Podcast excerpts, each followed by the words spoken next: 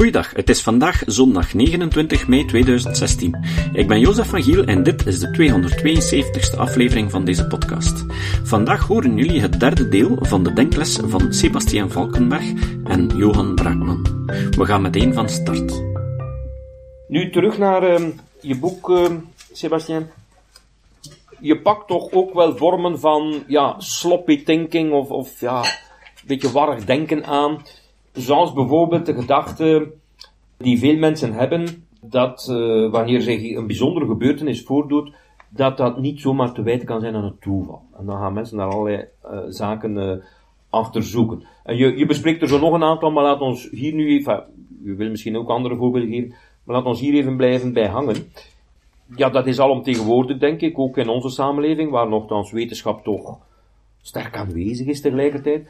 Maar mensen blijven vaak op die manier denken. Hoe zou dat komen? Is dat ingepakken in onze natuurlijke psychologie? Of, of ligt dat toch aan, aan, is het de schuld van de media of toch van het onderwijs? Uh, hoe, hoe zie je dat?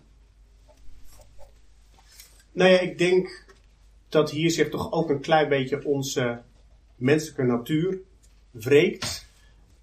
Wij zijn in staat om uh, gevolgtrekkingen te maken, maar heel vaak gaat dat ook, uh, nou ja, op een hele snelle, maar ook, ook tamelijk slordige manier. Zo hebben wij neiging om op allerlei plaatsen patronen te zien.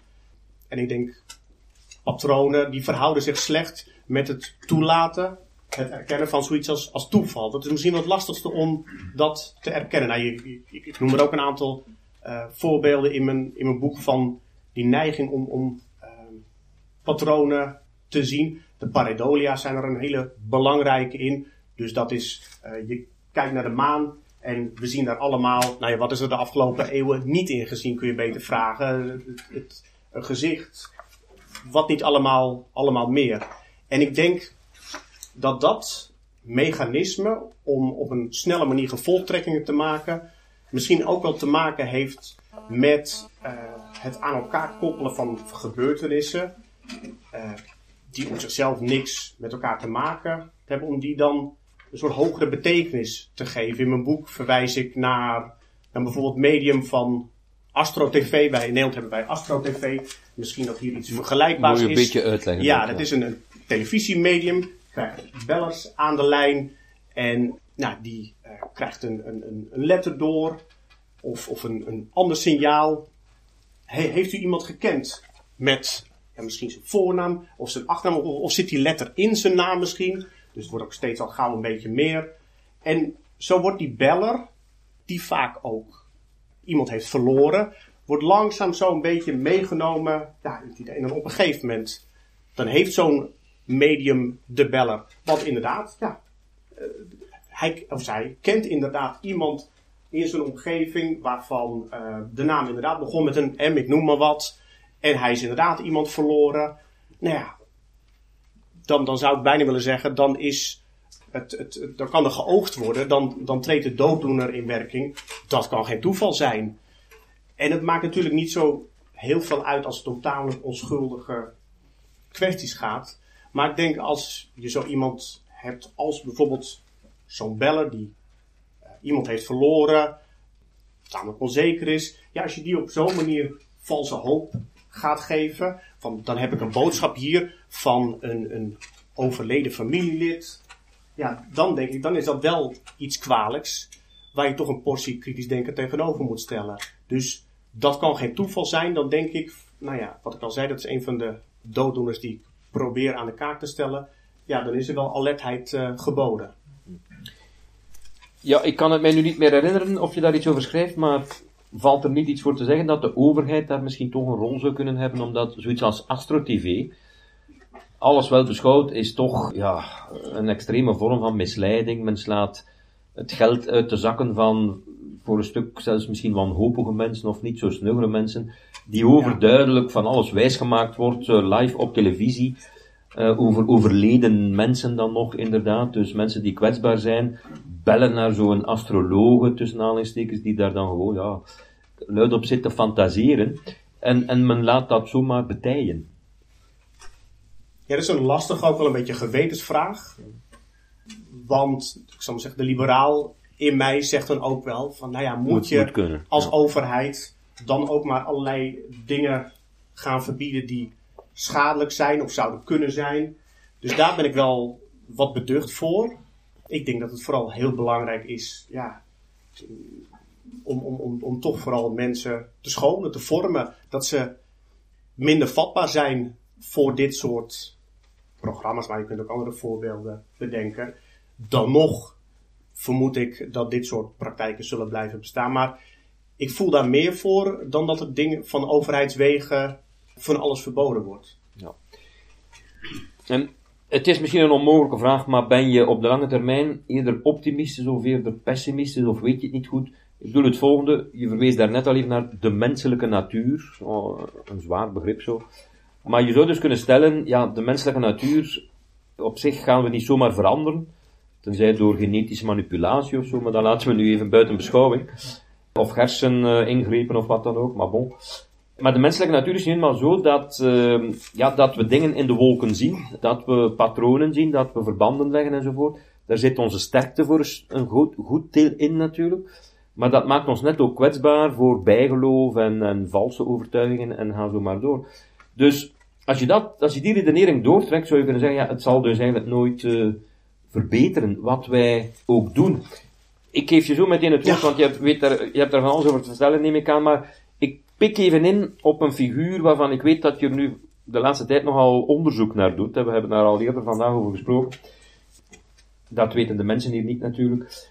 Dat is de, de figuur van eh, Adriaan Courbach. En Courbach was een Nederlandse 17e eeuwse, ja wij zouden nu zijn, kritische denker, hè? Een, eh, een, een filosoof, arts van achtergrond, maar iemand die dus eh, teksten geschreven heeft waarin hij zich verzet tegen ja, het bijgeloof van zijn tijd.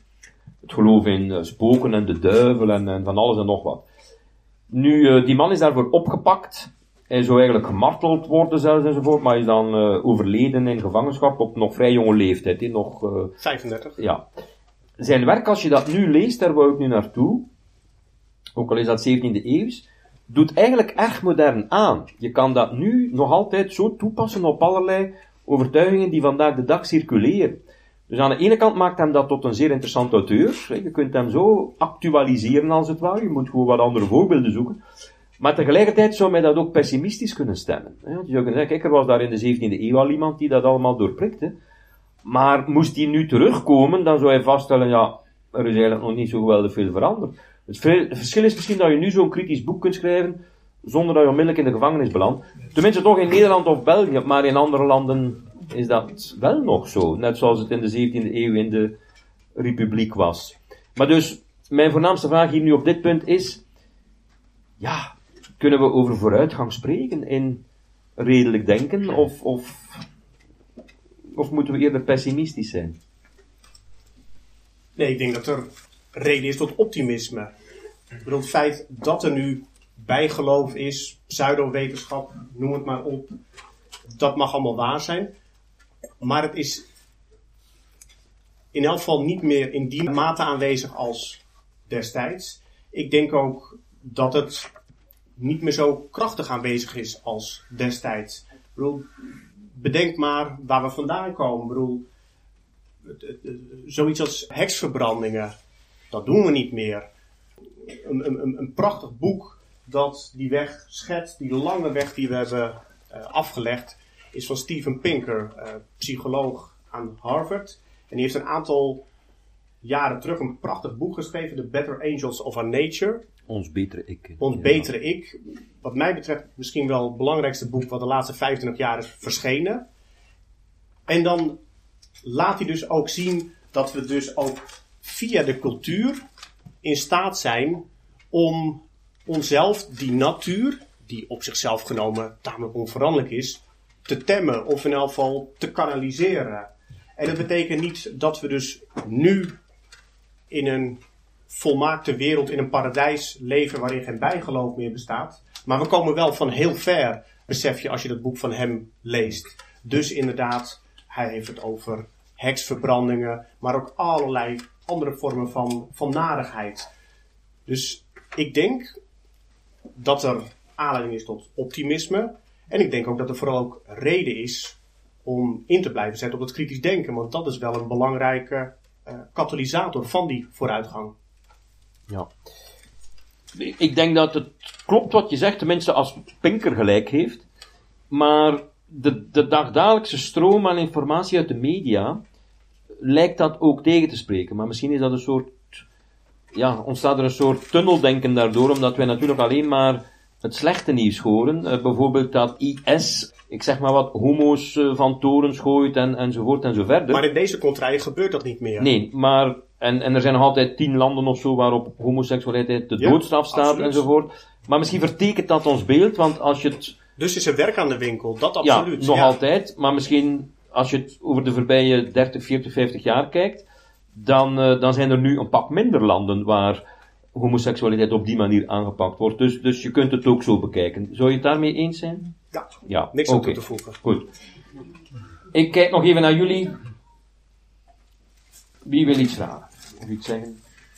Mevrouw? Waarom, ja? waarom wil Europa altijd zijn ideeën uitdragen? Zijn wij er beter dan misschien? Aha, dat sluit aan bij het, het laatste deel van, van Sebastien zijn boek eigenlijk. Daar heeft hij een aantal hoofdstukken die daar uh, over gaan.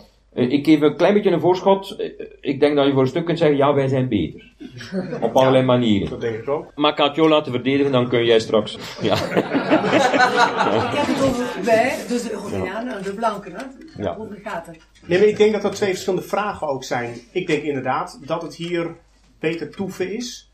We kunnen allerlei indicatoren opstellen voor vooruitgang, inderdaad. Uh, de manier hoe we omgaan met homoseksualiteit, hoe er gestraft wordt. Vrouwenrechten. Uh, vrouwenrechten, is er sprake van een rechtsstaat. Vrije meningsuiting. En ik denk, als, je, als, we, als we daar tenminste over eens zijn, dan denk ik, dan kun je niet tot een andere conclusie komen dan dat het hier beter is dan elders. Vervolgens weet ik niet of dat dus ook een argument moet zijn om dan ook maar het overal te gaan verspreiden. Zoals we de afgelopen jaren misschien wel veel te activistisch hebben gedaan. Want dat is het moeilijkste wat er is, denk ik. Ja, nu wordt het niet zozeer een filosofische, maar meer een politieke discussie. Maar ik denk, nation building, zo heet dat dan met een officiële term. Ja, dat, dat grenst bijna aan de, aan de overmoed. Ik bedoel, dat idee, nou ja, het is natuurlijk vooral George Bush heeft het geprobeerd. Democratie wortel te laten schieten in het Midden-Oosten. En we hebben dus ondervonden dat is echt wel iets meer dan alleen maar een stembus neerzetten en vervolgens zeggen: jongens, jullie mogen stemmen, uh, leveren democratie. Nee, het is, denk ik, democratie een ontzettend, of de liberale democratie moet ik misschien zelfs zeggen, een ontzettend smal pad. Dat loopt tussen aan, aan, aan de ene kant de dictatuur of de autocratie. En aan de andere kant de anarchie. En vooral die laatste, heb ik het idee, willen wij nog alles vergeten. Ik bedoel, we hebben al die nare dictators verjaagd, of die zijn zelf afge, afgetreden de afgelopen jaren in, met de Arabische lente. En toen dachten we, nou, dan is nu de, uh, de weg vrij voor democratie. Er kan zich een uh, ontwikkeling voordoen zoals in Europa na de val van de muur. Maar wat we nu zien is helemaal geen democratie. Dat is anarchie. Het recht van de sterkste. Uh, de natuurtoestand, zo je wilt, zoals Thomas Hobbes erover heeft geschreven. Dus ik denk dat je daar al met al heel terughoudend in moet zijn om, denk ik, bepaalde waarden die op zichzelf zeer de moeite van, van uh, verdedigen waard zijn, om die ook maar meteen mondiaal te gaan implanteren, hoe je het ook noemen wil. Dus ik denk dat dat twee verschillende dingen, ja. Maar zou het arrogant of, ja, of eurocentrisch zijn, of hoe je het ook noemen wil, om te zeggen dat het een zeer goed idee is om democratische waarden, zoals ja, vrije meningsuiting enzovoort, om die wereldwijd te gaan uitdragen. Want dat is natuurlijk een stelling die ook vaak circuleert. Hè? Dus uh, dat het ook maar iets is wat wij toevallig hebben bedacht, maar dat dat daarom niet wil zeggen dat het dan een goed idee is om dat over te planten of te willen planten naar andere landen. Of, of zou je van mening zijn, nee, dit is iets wat ja, wat bijna zelf evident positief is voor mensen over de hele wereld, ook in totaal andere culturele omstandigheden? Ja, dat is een hele moeilijke vraag. Op zichzelf zou ik denken, die mensenrechten hebben een universeel karakter. woord zegt al, universeel, dus op zichzelf gelden overal en altijd. Het idee nou ja, dat je in beginsel niet mag martelen, dat je mag zeggen wat je wil. Ik denk alleen wel dat je die transformatie, er moet ook een bepaald ethos, ook een bepaalde cultuur zijn waarin die mensenrechten kunnen wortelen. En als die afwezig is, ja, dan is de kans ook heel klein dat dat een vitale democratie wordt met, waarin mensenrechten gerespecteerd wordt. Dus op zichzelf zou ik zeer zijn voor die universaliteit van die mensenrechten.